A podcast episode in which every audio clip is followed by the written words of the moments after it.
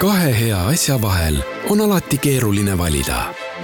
kas eelistada uusimat tehnoloogiat või elegantsemat välimust? uue Toyota Camry täishübriid-elektriautoga on valik lihtne. see on lipulaeva elegants, mugavus ja turvalisus. uus Camry Hybrid koos viimase põlvkonna Toyota Safety Sense ohutuspaketiga. Camry Executive on nüüd eriti hea tutvumispakkumisega. vaata lisa toyota.ee. ruupor.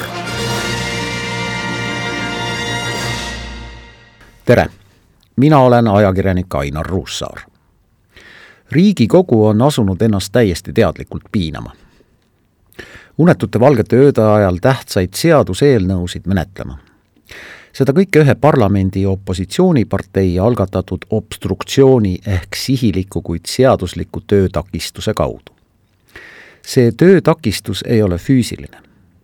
Pikad kõned, pooletunnised arutelud selle üle, kas parasjagu Riigikogu istungit juhatav poliitik täidab seadusi või vähemalt head tava.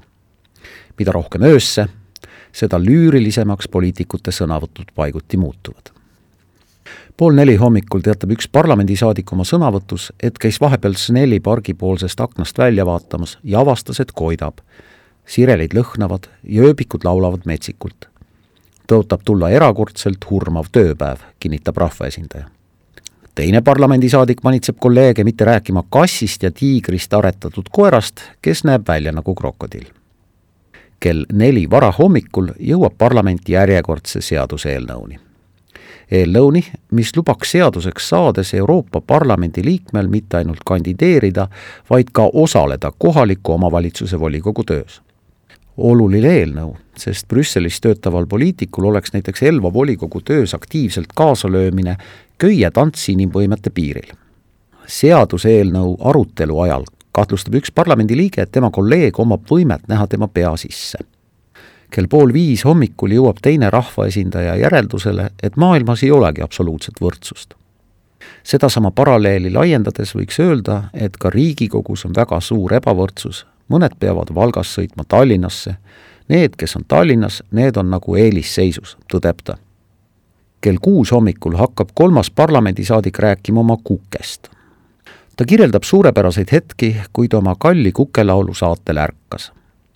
aga kukk läks kõige kaduva teed, kuna rahvaesindaja elab looduskaitsealal, kus on palju nugiseid. Kell veerand kaheksa hommikul katkestab Riigikogu Euroopa Parlamendi liikme kohaliku omavalitsuse töös osalemist võimaldava seaduseelnõu teise lugemise veidi vähem kui ööpäeva kestnud istungil vastu pidanud saadikutest märgib ennast kohalolijaks üheksakümmend üheksa. kaks on puudu. seaduseelnõu vastu on nelikümmend, selle poolt neli ja hääletamisel ei osale viiskümmend seitse rahvaesindajat.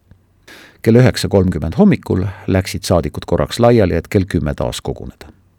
Riigikogu istungid toimuvad ka laupäeval ja pühapäeval ning võivad väikeste vaheaegadega kesta kuni saabuva esmaspäeva hommikuni sellise parlamendi piinamise algatas EKRE fraktsioon eesmärgiga nurjata isikutuvastuse andmesüsteemi arutelu ja heakskiitmine Riigikogus. partei esimehe Martin Helme sõnul ei takista EKRE parlamendi tööd, vaid teeb tavapärast tööd lihtsalt tavapärasest põhjalikumalt. lühidalt on EKRE eesmärk Riigikogus kinnitatud päevakord umbe ajada viimane tõsine obstruktsioon oli parlamendis jaanuaris, kui kõne all oli abieluteemalise rahvahääletuse arutelu puruks laskmine kas obstruktsioon ehk parlamendi töö sihilik ja kunstlik takistamine on seaduslik? oma kahju tekitava iseloomu tõttu pole keegi sellist nähtust Eestis üheski õigusaktis määratlenud. Ja seda seaduseauku on opositsioon, mis on aegade jooksul koosnenud kõigist tänase parlamendi parteidest, hakanud viimase viieteistkümne aasta jooksul üha rohkem ära kasutama.